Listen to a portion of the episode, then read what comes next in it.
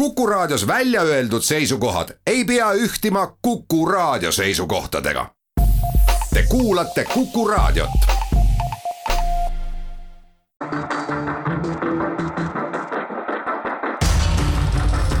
muuli ja Aavik. muuli ja Aavik. tere, nagu ikka reedeti algab saade Muuli ja Aavik, aga ma pean teile kohe algul ära ütlema, et äh, me lindistame seda saadet äh, neljapäeva õhtul ja stuudios on siis Kalle Muuli ja Martti Aavik. tere. räägime täna hakatuseks millestki muust kui koroonast ja selleks muuks on siis Jüri Ratas ja tema kunagised valitsemiskulud või esinduskulud, millest Eesti Ekspress on kirjutanud päris pika loo lõppeval nädalal jah, aga teiseks räägime ikkagi koroonast ja digiregistratuurist, mille taga on inimesed siis põnevaid ootamise minuteid ja tunde veetnud ja piirangutest ka.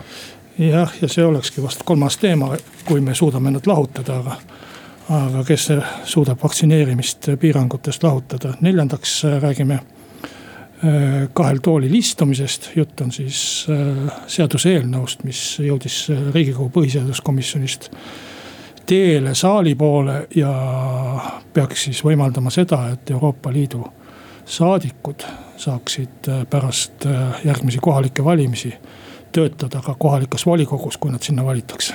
ja viiendaks, kui aega jääb, räägime taasterahastuse vastuvõtmisest esmaspäeval. ja obstruktsioonist, mis selle ümber toimus ja sellestki, et koalitsioon sai rohkem hääli, kui nad äh, ise omakeskis või kahekesi koos välja annavad muuli ja Aavik. aga alustame siis äh, Jüri Ratase esinduskulude kohta ilmunud äh, Eesti Ekspressi loost, mida on siis äh, mitmes muus väljaandes veel täiendatud, täpsustatud ja kommenteeritud. no jutt käis siis sellest, et, et ehkki peaminister pole eelarvet ületanud ja ühtegi raamatupidamisreeglit rikkunud ja need on Eesti Ekspressi enda väited olevat siiski tema kulutused vastuolus hea tavaga. noh, ma sellist head tava ei ole kuskilt juhtunud lugema ja Eesti Ekspressi ka ei seleta, mis see hea tava on. aga, aga nii see on ja siis on seal üles loetud terve hulk peaministri igasuguseid kulutusi, algab see ühe Saaremaa visiidiga ja jätkub mitmesuguste koosviibimiste, koosolekutega. Ja nii palju, kui mina aru sain, vähemalt tundub, et kõikidel puhkudel või, või vähemalt enamikul kirjeldatud puhkudel on tegemist ikkagi töiste kuludega, inimesed sõitsid töövisiidile ja, ja kasutasid seda äh, raha ikka töö ajal ja, ja töökollektiivis, mitte oma perega puhates kuskil no see ka päris kindel ei ole, sest et siin on mingisuguseid episoode, kus äh, peaministrile on mingisuguseid korvikesi ja kotikesi kaasa pandud kodu, koduseks tarbimiseks. aga see selleks, et minu meelest tuleb see lugu jagada mitmeks osaks ja kõige äh, tõsisem ja selgem ja arusaadavam episood sellest on Saaremaa visiit. nii nagu Eesti Ekspress ütleb siin äh, hinnaga kõigest jutumärkides kaksteist tuhat eurot. ja vaadake selle erisus seisneb siis selles, et, et äh, kui peaminister võtab vastu külalisi või võõrustab ühte või teist seltskonda oma peaministri töö raames, siis on arusaadav, et ta peab seda tegema ja. ja me võime vaielda selle üle, et kas oleks pidanud tikuvõileib olema kallim või odavam või, või milline pudel sinna sobis. aga eh, nii nagu sellest kirjeldusest nähtub, siis on eh, veedetud väga mõnusasti ja prassivalt aega tegelikult oma lähima nõunike seltskonnaga Pädaste hotellis ja restoranis ja kui te siin nüüd mõtlete, et, et inimesed on äh, õhtusöögil kulutanud kolmsada kakskümmend eurot ühe inimese kohta, siis noh, minu fantaasia küll lubab kujutleda, mida saab osta sellise raha eest, aga. aga see kahtlemata ületab kordades seda, mis äh, äh, sellise lähema töise ka mis iganes era või muu äraolemise käigus äh, tavaliselt inimesed kulutavad ja millegipärast ma kahtlustan, et ka peaminister oma palga eest selliseid kulusid endale tõenäoliselt ei luba. Äh, väga hea, et sa seda summat mainisid, Martin, ma tulen selle juurde kohe tagasi, see on üks hea näide, kuidas püütakse peaministrit hävitada. Ja, ja see on just see, endist peaministrit. See on just see, millest Eesti Ekspress kirjutas möödunud sügisel. Keskerakond tuleb hävitada, see oli Ekspressi peatoimetaja üleskutse. ja, ja pärast seda äh, avaldust on mul väga raske lugeda mingisuguse äh, objektiivse pilguga ükskõik millist Ekspressi lugu mis on kirjutatud Keskerakonna kohta või Keskerakonna juhi kohta. seda, et üks erakond tuleb demokraatlikus ühiskonnas hävitada. Seda ma olen lugenud ajalooõpikutest, et bolševikud tahtsid seda saavutada. ja, ja natsipartei tahtis seda saavutada, nad saavutasidki, teised erakonnad hävitati ära. et see, kes ei meeldi meile, tuleb ära hävitada. et Eesti Vabariigi kodanike vabaühendus oot, oot, oot, oot, ära nüüd äh, õhku tõuse selle jutuga. jah, aga me peame selle koefitsiendiga arvestama see on, see on esimene asi. teine asi, ma näitan, kuidas seda koefitsienti nüüd kasutatakse sellesama kolmesaja kahekümne euro juures. See summa on saadud nii, et sinna sisse on arvestatud erisoodustusmaks. mis asi on erisoodustusmaks, vanasti loeti seda riigi tuluks, mitte riigi kuluks. erisoodustusmaks moodustab sellest summast. no ma arvan, et äh, kokku tuleb erisoodustus maksta, on natuke keeruline arvutada mul siin otse-eetris. aga, aga ma arvan, et ta moodustab sellest summast vaata et oma sada kakskümmend eurot. Ja see on see raha, mida riik tõstab lihtsalt ühest taskust teise tasku. seda ei makstud Pädaste mõisale, vaid seda maksis riigikantselei Eesti Vabariigi maksuametile. ja selleks, et saada Ratase eh, kulutused suuremaks, on arvestatud sellised maksud eh, sinna sisse ja, ja, ja see on minu meelest nagu äh, ühe ajalehe toimetuse poolt ikka eriline sigadus. Äh, näidata justkui oleks seda maksu makstud Pädaste mõisale, aga mitte Eesti riigile. aga see on üks tühine nüanss ainult kogu selle loo juures. Äh, ma, kui ma, kui ma oleks tahtnud ajakirjanikuna käsitleda seda teemat, siis esimene asi, mis ma oleks vaadanud, on see. Eesti peaministri esinduskulud on kaks tuhat eurot kuus, nii nad Ratasel olid ja ta seda ei ületanud et kui ma tahaks mingi objektiivset pilti anda oma lugejatele. kas need kulud on väikesed või suured, siis ma võrdleksin neid Soome peaministri esinduskuludega ja Läti peaministri esinduskuludega. et kui palju nemad kulutavad aga midagi sellist seal loos ei ole, ma tegelikult ei saa mitte midagi objektiivset teada. Eh, Kalle, ma mõtlen nüüd, ma ei tahaks küll sellist argumentumat hominemi kasutada, aga ma ikkagi mõtlen, kui väga sa oled seisnud ausa ja, ja, ja sellise rahvale arusaadava kulutamise eest kogu aeg, et, et kuidas siis nüüd järsku nii, et. et kui sa võtad ka selle erisoodustusmaksu sealt välja ja oletame, et siin on tõesti selline arvutustrikk tehtud. kuigi loost ma seda ei näe, et see täpselt nii oleks. et ka sellisel juhul ületab ju see üks õhtusöögi kulu ühe inimese kohta ja rõhutame, et siin ei võeta vastu öö, mingisuguseid teiste riikide peaministreid, ei võõrustata isegi ma ei tea, vallavanemaid või kohaliku omavalitsuse tegelasi, Saaremaa tähtsamaid, huvitavamaid inimesi, vaid jutt on sellest, et peaminister oma lähemate nõunikega veedab ühte õhtut. ja inimesed peavad võimalikuks kulutada selle peale igaühe kohta riigi ja maksumaksja raha mitusada eurot. et jutt ei ole ju ööbimiskuludest äh, äh vaevalt, et keegi saab mind kahtlustada väga suures keskkonnasõbra või Keskerakonna sõbraks olemises, et ma arvan, et kui. kui vaadata, kui äh, palju ma Keskerakonda olen aegade jooksul kritiseerinud ajakirjanikuna. siis ma arvan, et ma kuulun esiviisikusse kindlasti.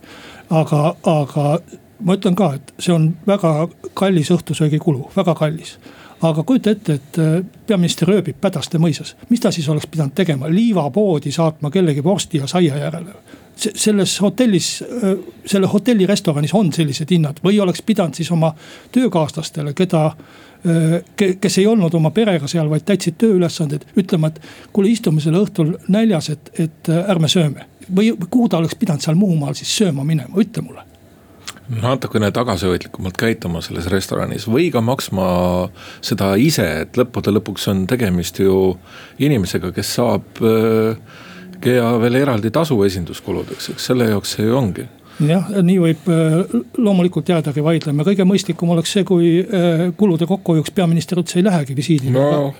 aga, aga teeme siin ühe pausi ja jätkame siis nende äh, euro, euro kaupa nende rahanumbrite arutamist edasi.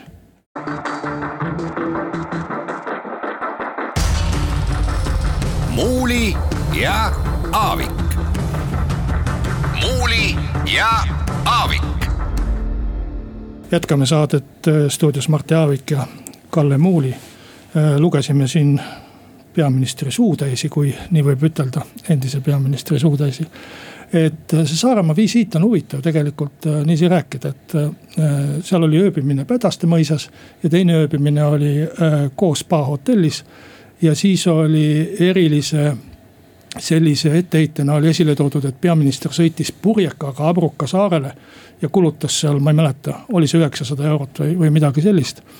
Äh, selle sõidu peale ja, ja tal oli kaasas siis umbes kümneliikmeline äh, seltskond, tema oma abid ja nõunikud ja kohalikud vallajuhid ja, ja kujuta ette, läks purjekaga ja siis ma mõtlesin, et millega see peaminister sinna peaks siis minema, sinna Abruka saarele, et viis aastat tagasi kirjutas Eesti Ekspress, et peaminister Taavi Rõivas kohutav küll, lendab eralennukiga Brüsselisse, noh kui. Jüri Ratas oleks eralennukiga Abru, Abrukale lennanud, oleks see ka kohutav patt olnud. purjekaga ei või sõita, mis ta peaks ujuma siis või? on, on üks võimalus, no ma saan aru, et Jüri Ratas on sportlik inimene ja ujub võib-olla ise sinna ära, aga kuidas need abid sinna ujuvad? et see on kindlasti üle mõistuse käiv. mis ma tahan ütelda selle jutuga on see kas me tahame tõesti, et Eesti peaminister, kui ta läheb Saaremaale visiidile, ööbib kõige odavamas hotellis, ostab saia ja vorsti äh, liivapoest ja sõidab äh, Abruka saarele paadiga, mis laseb vett läbi ja, ja kuhu kõik seltskond peale ei mahu, et teine peab teise paadiga järele tulema. Kalle, Kalle, ma tuletan meelde seda, et äh, umbes paarkümmend aastat tagasi ilmus meie Eesti käibesse selline mõiste nagu juriidiliselt on kõik korrektne et siin on eh, minu meelest tegemist ka samasuguse juhtumiga, kus juriidiliselt ongi tõenäoliselt kõik korrektne. aga moraalselt kahtlemata ei ole ehk siis nagu Jüri Raidla näiteks meenutan, on rõhutanud, et peaks olema see moka, moraalselt on kõik korrektne. ja siin see päris niimoodi ei ole. et mina ei ole kaugeltki selline kulupuritaan ja ma leian, et, et tihtipeale ongi nii eraettevõtjate kui ilmselt ka poliitikute tööriistakastis mitmesugused võõrustamised, üritused ja nii edasi, see kõik on loomulik. aga seda niisugust, kui me räägime sellest, et inimene kulutab eh, olles lihtsalt oma igapäevaste töökaaslastega üle eh, teatava piiri ja tegelikult juba kordades, siis see kahtlemata ei ole moraalselt korrektne. Äh, noh, sa rääkisid purjekaga me... sõitmisest, no tegelikult on ikka odavamaid sõiduviise ka sinna Abrukale. ma, ma tõesti ei ole kursis ja ei oska ütelda, millega sinna veel oleks saanud, aga, aga öö, siis peaks ju olema mingisugused kokkuleppelised kulud, mis see siis mõistlik on. ma võin ütelda, et isiklikult eraisikuna ma olen ööbinud Saaremaal käies nii koos spaas kui ka Pädaste mõisas. ja, ja koos spaas nii kummaline kui ei ole ka just nende ooperipäevade ajal, sest meil toimub alati Angere turniir sel ajal Saaremaal. ja, ja kus sa siis veel seal saad olla, ma ei, ma ei kujuta ette, kas peaks siis kuuse all elama peaminister või, või mis ta peaks tegema. ma arvan, et on ikkagi teatud peaministri standard ja väärikus olemas. et, et hakata, hakata ütlema, et ta peaks nagu valima kõige odavama hotelli. kes on, kes on ette heitnud hotelli valikut või midagi sellist? no ole? need hotelli nimed olid seal ära toodud ja justkui väga, väga kallid kohad. vähemalt mina sain sellest loost niiviisi aru, aga äh, aga noh, e-, eks see olegi, et igaüks hindab seda oma mätta otsast, et siis peaks tõesti me, kui me tahame mingisugusele kompromissile või kokkuleppele jõudma, siis me peaksime ju ütlema, mis see standard on, millises hotellis peaminister võib elada ja millises ta ei võiks elada. mis, mis see, mis see vahe on, mis see õhtusöögi maksamus siis on, minu meelest me jõuame niiviisi täiesti absurdini. et peaministril võiks. no sa räägid samasugust töö ja pereelu äh, eristamise juttu, nii nagu Mailis Repsi kohta räägiti, et ma arvan, et selle looga tuleb edasi tegeleda ja. ja ma ei ole kindel, et ma sellist presidenti sooviks Eesti Vabariigile äh, nojah, ma ütleks seda, et Pädaste mõisa käis avamas äh, president Toomas Ilve, Ilve, Hendrik Ilves ja ööbis ka seal. aga äh, võib-olla peaks ka käsitlema natukene sellist väljendit nagu joogid autosse, mis oli üks selline äh, väljend, mida siis kasutati ühele pikale Kagu-Eesti reisile kaasa ostetud siidri ja vist oli ka džinni kohta. noh ma arvan, et kui ametnikud äh, äh, edaspidi selliseid kulutusi teevad, siis nad lihtsalt äh, valivad hoolikamalt neid sõnu, mis nad tšeki peale kirjutavad, sest on ju selge, et.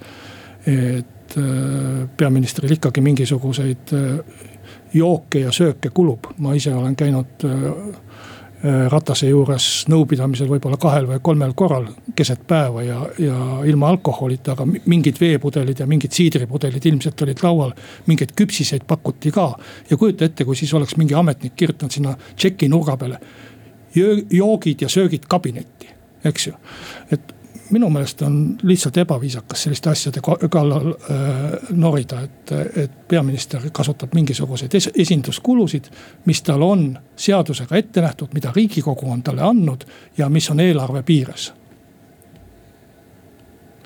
nojah, äh, nii sa nüüd ütled, aga, aga tuleb ju välja see, et, et äh, et seda ülekulutamist on olnud ja, ja varasemad peaministrid on hakkama saanud vähemaga. ei ole kuskil ühtegi ülekulutust olnud, et see kakskümmend neli tuhat, mis tal on aastaks ette nähtud, ehk kaks tuhat eurot kuus.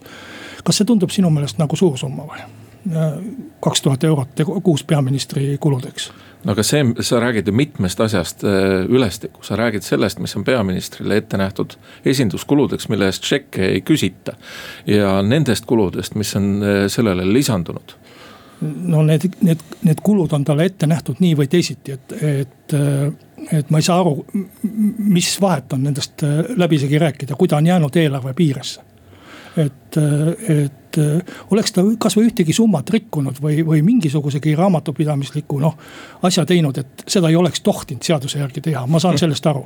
aga kui talle on riigikogu poolt ette nähtud, ta ei saa ju ise raha võtta, riigikogu annab talle raha siis, siis ma ei näe seal küll mingisugust tohutut probleemi, mille kallal peaks närima no,. see, see lugu küll, on et... selgelt seotud sellega, et, et teha Ratast presidendivalimiste kampaania ajal maha ja hävitada Keskerakond ja sellega mina nõus ei ole. siin on mindud ikkagi üle moraalsete piiride ja, ja ma arvan, et et selle looga tuleb edasi minna ja me tahaksime kuulda ka Jüri Rataselt selgeid vastuseid selle kohta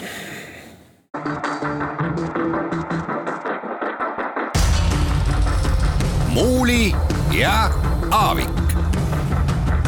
muuli ja Aavik. meie jätkame saatega ja e, räägime järgmisest, järgmiseks digiregistratuurist, et nimelt on siis vabaks tehtud järgmisele vanusegrupile e, vaktsineerimine ja tuleb välja, et e, digiregistratuuris on ummik, ilmub ekraanile mingisugune kiri, et nüüd te peate siin ootama ja seda ekraani jälgima veel hulga minuteid või kümneid minuteid.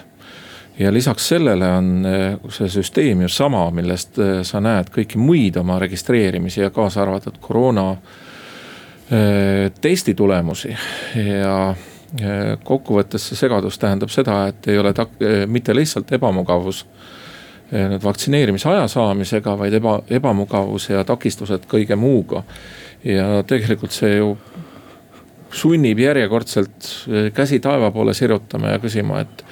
et noh, kuidas selline asi võimalik on, niisugune mitte ettenägemine, et eh, kui sa teed lahti suurele vanusegrupile registreerimisvõimaluse, siis see süsteem ei tohiks, ei pea olema Nostradamus selleks, et aru saada, et see jookseb umbe noh, ma pean taustaks muidugi ütlema seda, et eh, ma ise olen vaktsineeritud kaks korda ja, ja enam ei pea seda digiregistratuuri kasutama, selles mõttes on mul hea äh, noh, kas jutumärkides või ilma jutumärkides hea rääkida, et, et äh, teiste inimeste kannatustele kaasa elada.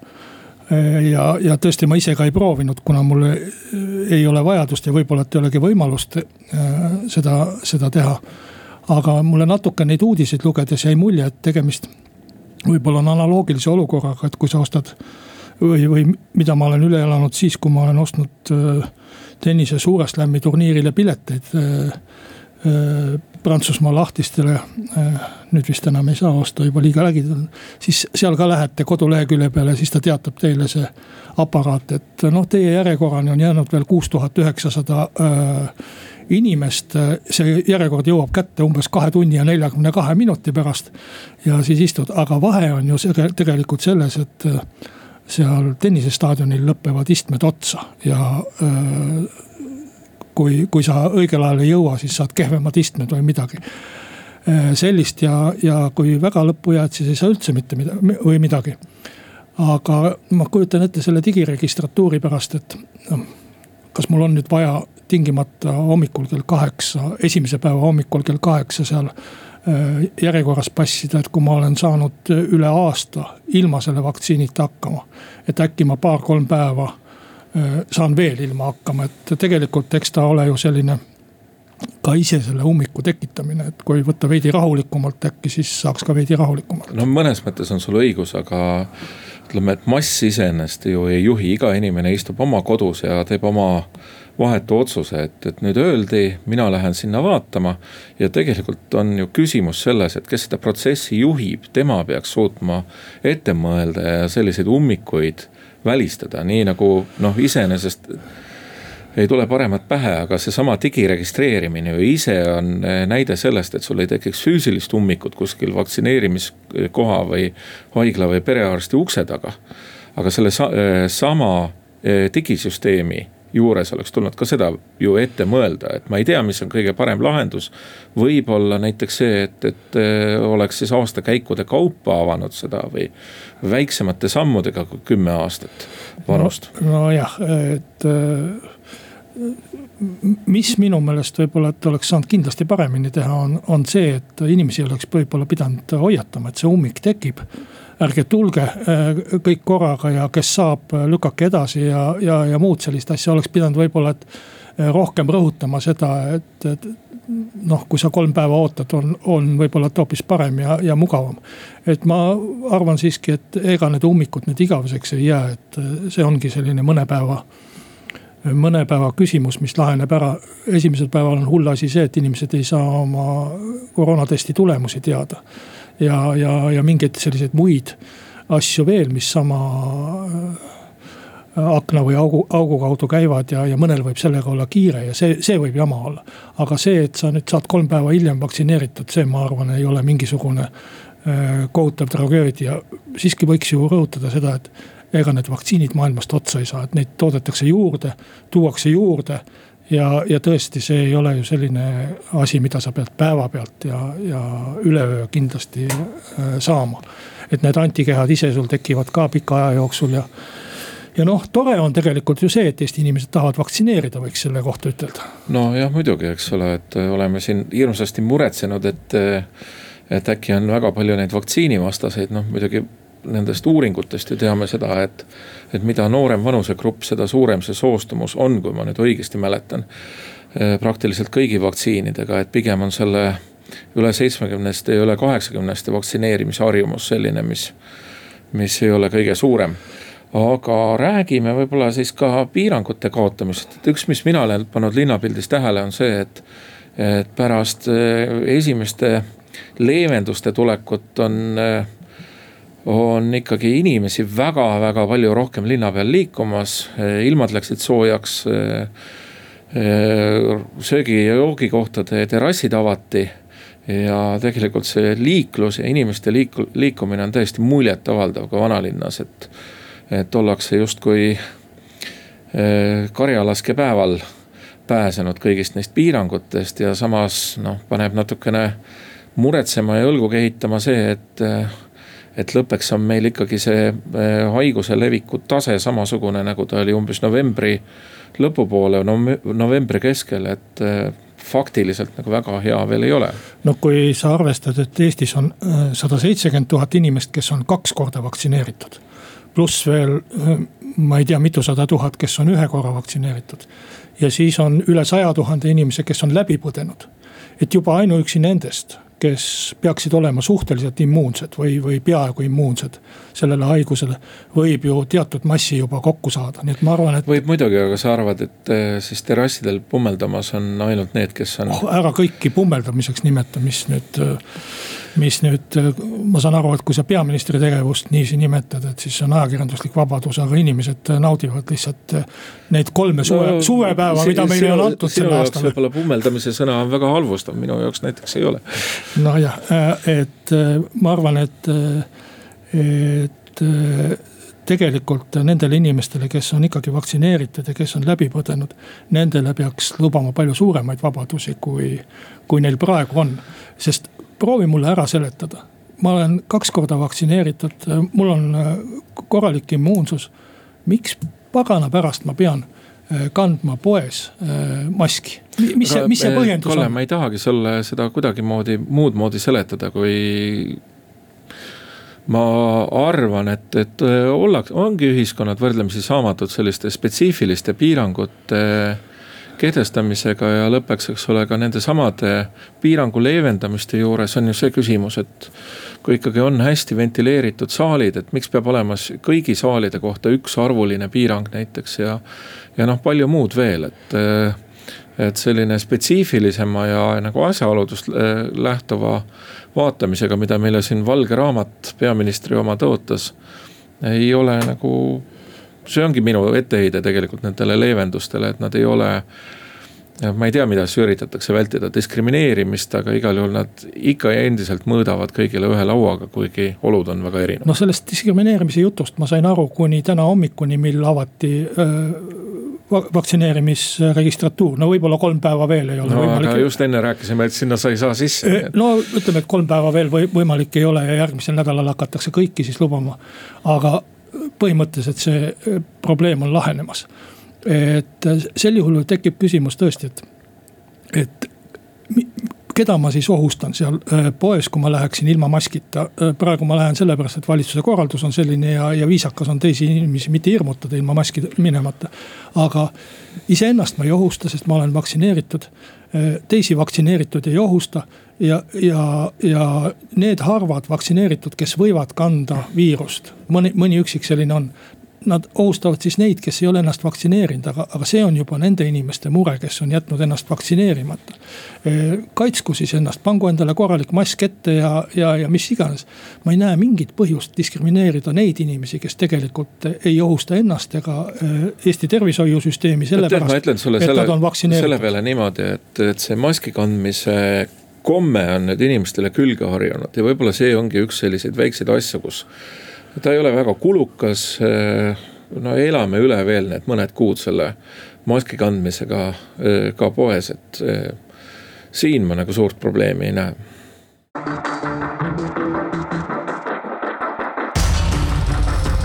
muuli ja Aavik. muuli ja Aavik. jätkame saadet Mart Jaavik ja Kalle Muuli stuudios, räägime ühest ootamatult esile kerkinud seaduseelnõust, see on siis järjekordne kahe tooli istumise eelnõu, mis on põhiseaduskomisjonist saanud heakskiidu ja alguse. ja tahab siis lubada erinevalt praegusest korrast ka Euroopa Parlamendi saadikutel. Neid on meid, meil seitse pärast kohalike omavalitsuste valimisi, juhul kui nad seal kandideerivad ja valituks osutuvad lubada neil ka siis kohalikes volikogus töötada. noh, hakkab see trall ja tramburai pihta, mis meil nende kahe tooli seadustega ikka on olnud. seni on küll põhiliselt käinud see riigikogu liikmete üle, kas riigikogu liikmed siis võivad või ei või volikogus töötada, kui nad on kahte kohta valitud.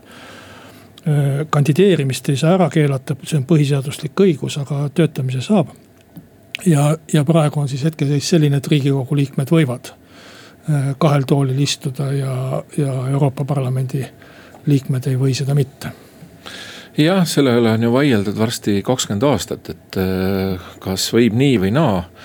ja äh, noh, muidugi võiks sellise keeluga ka olla nõus, aga, aga ma mõtlen, et suurem probleem on ikkagi see, et kandideerivad ühed inimesed ja pärast seal volikogus on inimesed, kes on noh, esiteks saanud vähem hääli ja keda siis kohalik kogukond ei tunne, et, et see, mida oleks vaja, vaja ju saavutada, on see, et sul on demokraatlikus otsustuskogus inimesed, kes on oma nime ja näoga eh, nende otsuste taga, mis on seal vastu võetud. ükskõik, mida siis, milliseid teemasid siis ka ei käsitletaks ja ma mõtlen, et kui tuleb välja, et Yana Toom on nii võimekas inimene, et tema saab hakkama nii europarlamendi saadiku kui ka linnavoliniku tööga, et. et no mis see hea põhjendus siis on seda keelata? no üks hea põhjendus on see, et eh, juhul, kui nüüd saadikud enamus ei saa sellega hakkama, aga siiski kandideerivad.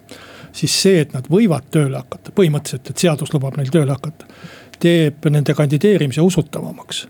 kui on ette teada ja seadusega keelatud tööle hakkamine, siis nad ei saagi ütelda, et äh, ka, ka valelubadust anda, et ma hakkan tööle ja tegelikult ei hakka või, või siis, siis nad ongi peibutuspardid ja valija teab seda, et nad tegelikult tööle ei hakka, et see on üheselt siis reguleeritud. muidu jääb see asi lahtiseks ja, ja võib-olla tõesti mõni hakkab, mõni ei hakka, mõni äh, läheb ära. üldiselt ma idee poolest ju pooldan seda, et, et nii kandidaatidel kui valijatel on vabadus ise otsustada keda nad äh, valivad ja keda nad äh, tahavad näha ja, ja kus ma töötan ja kui palju ma jõuan ja tõesti, inimesed on erinevate võimetega. võib-olla Yana Toom on tõesti väga võimekas. Äh, aga noh, siin tundub küll see väga pentsik ja väga kummaline. Brüssel, Tallinn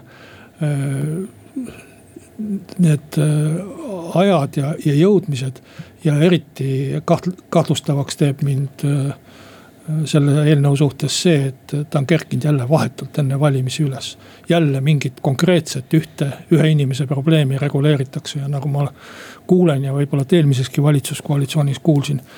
on see Yana Toomi suur soov äh, kuskil kaasa lüüa noh, ma ei tea, kas me peaksime hakkama ikkagi ühe inimese pärast neid seadusi no, tõenäoliselt ei peaks ja ma meenutaksin äh, tegelikult ka seda, et, et kui te mäletate vist oli kaks tsüklit, kaks Europarlamendi tsüklit tagasi, kui Indrek Tarand sisuliselt selle vali inimene, mitte part programmiga.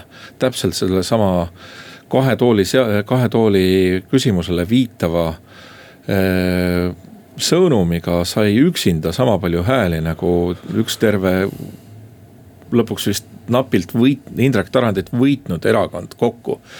nii et äh, see on märk ikkagi mingisugusest nagu ebaaususest, nihverdamisest ja. ja selles mõttes ma olen muidugi sinuga nõus, et, et niisugust ühte, ühe inimese probleemi ei peaks tegema ja lahendama ja ega see hästi ei mõju aga niisugust filosoofilist arutelu saab siin heietada küll ja küll tegelikult, et, et kas see, kas see probleem ikkagi nii suur on, eks. nii, aga paar sõna võib-olla, et ka teisest parlamendi teemast, siis äh, Kaja Kallasel oli usaldushääletus lõppeval nädalal äh, Euroopa taasterahuga oli see seotud. Äh, valitsuskoalitsioon sai kuuskümmend kolm häält. vastuhääli ma ei mäletagi. Äh, ja, ja sellega lõppes siis EKRE obstruktsioonikatse või, või, või katse seda arutelu nurja ajada. noh, minu meelest on see selline teadlik äh, poliitika kaaperdamine. ja, ja teadlik äh, ka seadusandluse noh, halvemaks muutmine, et ma äh, panen seitsesada mingisugust parandusettepanekut kuhugi, siis ma saan ajakirjanduse tähelepanu. siis ja, ja see sobib ka vastaspoolele, see sobib ka Reformierakonnale, mõlemale sobib, EKRE-le ja Reformile, see on nii tore vastandada. Äh, reform saab kõnepuldist äh, hurjutada EKRE-t, EKRE saab hurjutada Reformi ja asjast endast, sellest taasterahastust äh, me praktiliselt ei räägigi. Ja tegelikult parlament ei saagi rääkida, kuna usaldushääletuse protseduur, see menetluse kord on selline, et usaldushääletuse ajal sisulisi arutelusid noh, praktiliselt ei olegi võimalik mingisugust pidada. ukse taga võid arutada, kui tahad eh,. muidugi see on probleem, et eh, nii nagu me siin varemgi oleme rääkinud, et seda obstruktsiooni tuleks kasutada ikkagi nagu funktsionaalselt või, või siis, kui on, ollakse päriselt vastu, noh esiteks on. kui on päriselt vastu, siis tuleb hääletada päriselt vastu. obstruktsiooni võib kasutada minu meelest ainult siis, kui ohus on mingid demokraatlikud väärtused või, või demokraatia ise. kui, kui tõesti hakatakse seadusandlikul teel eh, riigikorda väärama. aga teine tähelepanuväärne asjaolu on muidugi see, et eh, sellel usaldushääletusel on siis koalitsioon saanud järjekordselt rohkem hääli, kui neil kahe peale kokku on ja ma mõtlen, et, et omamoodi huvitav arutelu teema on see, et kas eh, me võiksime nüüd hakata mõtlema, et, et kellele rohkem küsimusi esitada presidendivalimiste kohta. võib-olla on need sotsid.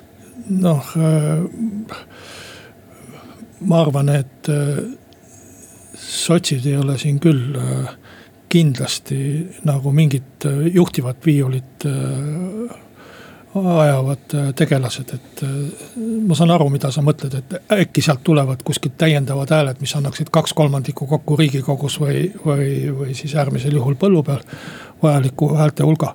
aga seda, kes ikkagi presidendiks kandidaadiks saab ja, ja, ja kuidas see kokkulepe sõlmitakse, et selle esimest viiulit mängivad kindlasti Reformierakond ja Keskerakond, et selles ei ole mul küll kahtlus, et teised võivad siis kas tahavad kaasa lüüa või ei taha kaasa lüüa, aga see on selline, selline noh tõesti maitse asi juba, kuidas sa tahad ennast valijate suhtes positsioneerida, umbes seesama, mida, mida EKRE teeb, vastandudes igas asjas Reformierakonnale ja mida Reform teeb, vastandudes igas asjas EKRE-le. Ilma igasuguste sisuliste arutelude, aruteludeta mm. -hmm ja ma arvan, et see, seda olukorda või selliseid hääletusi siiski jälgida tasub, et ega see väga tavapärane ei ole, et opositsioonist tuleb ka valitsuskoalitsioonile usaldus küsimuses toetushääli, et lõpuks ju Isamaa valis selle, et nad ei hääleta. ja mingisugune huvitav märk siin kahtlemata on no.. aga jätkates sinu mõtet sellest obstruktsioonist, siis eh, ma küll arvan, et, et kui EKRE veel tuleb selliste obs, äh, nagu tühi obstruktsioonidega, siis läheb sellega samamoodi nagu Reformierakonnal selle ülemäärase kasutama EKRE vastu obstruktsiooni et, ta ei saaks tühja obstruktsiooniga tulla no,. see kaotab oma sisu ja tähenduse lihtsalt ja inimeste huvi kaob. jah, aga sa pead seda protseduuri järg, jälgima ja siis peab jälle peaminister tulema pulti ja usaldusega siduma ja jälle ei saa asju sisuliselt arutada, et seda võib lõputult korrata. aga ma arvan, et see viib lõpuks välja selleni, et hakatakse ikkagi parlamendi töö ja kodukorda ümber vaatama ja, ja üle vaatama. ja see on väga halb tegelikult, see obstruktsiooni võimalus peaks olema olemas ma ei üldse ütle, et seda ei, ei tohiks kunagi kasutada. aga need peavad olema väga harvad ja, ja väga tähtsad juhud. kindlasti kuritarvitas seda obstruktsiooni võimalusi eelmise valitsuse ajal opositsioon. ja, ja praegu kuritarvitab seda ka EKRE täiesti selgelt. aga sellega on meie tänane saade lõpet-, lõppenud. stuudios olid Mart Jaavik ja Kalle Muuli, järgmisel reedel jälle